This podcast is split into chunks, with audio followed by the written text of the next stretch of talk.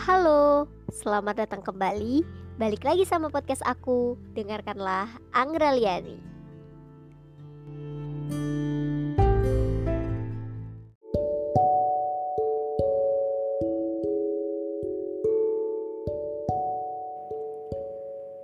Bumi akan kering tanpa hujan. Begitu pula dengan hidup, tidaklah lengkap tanpa tujuan.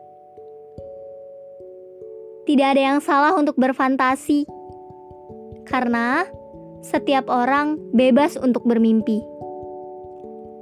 Mengingat kata mimpi, mimpi tidak dapat terwujud jika dalam pencapaiannya tidaklah semangat.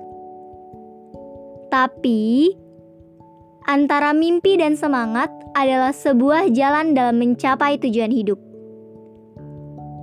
Hari ini, aku mau bilang bahwa tujuan hidup bisa dirubah.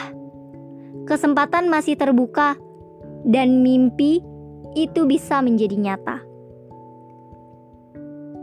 Semua itu tergantung dari satu pertanyaan: apakah kamu semangat dalam meraihnya? Aku harus semangat. Mengucapkan semangat pada setiap orang itu adalah powerful untuk diri sendiri Semangat adalah bagian yang tak terpisahkan dalam bekerja dan berkarya. Karena dengan semangat, kita tetap eksis dan konsisten dalam meraih tujuan hidup. Menanggapi kata semangat, sepenting apa sih kata semangat itu dalam kehidupan kita? Kalau menurut aku, kata semangat ini efeknya luar biasa sekali dalam kehidupan kita dan yang paling jelas, ini merupakan bentuk apresiasi. Jadi, ketika kita mengapresiasi orang lain dengan kata semangat, pasti orang tersebut akan terlihat bahagia kan? Walaupun setiap masalah juga butuh solusi. Bukan sekedar ambisi. Sekedar mengucap semangat, ini juga dapat menjadi jembatan pengakrab kita terhadap orang lain yang tadinya ada jarak, jika kita bilang semangat ya secara rutin kepada teman-teman dan orang sekitar, mereka akan merasa seperti satu tim dan sefrekuensi nih sama dia.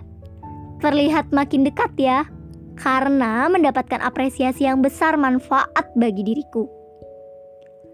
Dan ternyata benar ya, the powerful of semangat ini juga bisa membuat hidup kita lebih bahagia.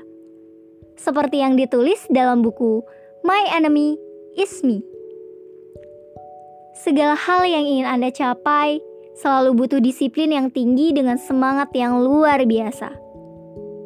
Tentunya, dengan hal ini, kata semangat punya impact yang besar terhadap diri seseorang.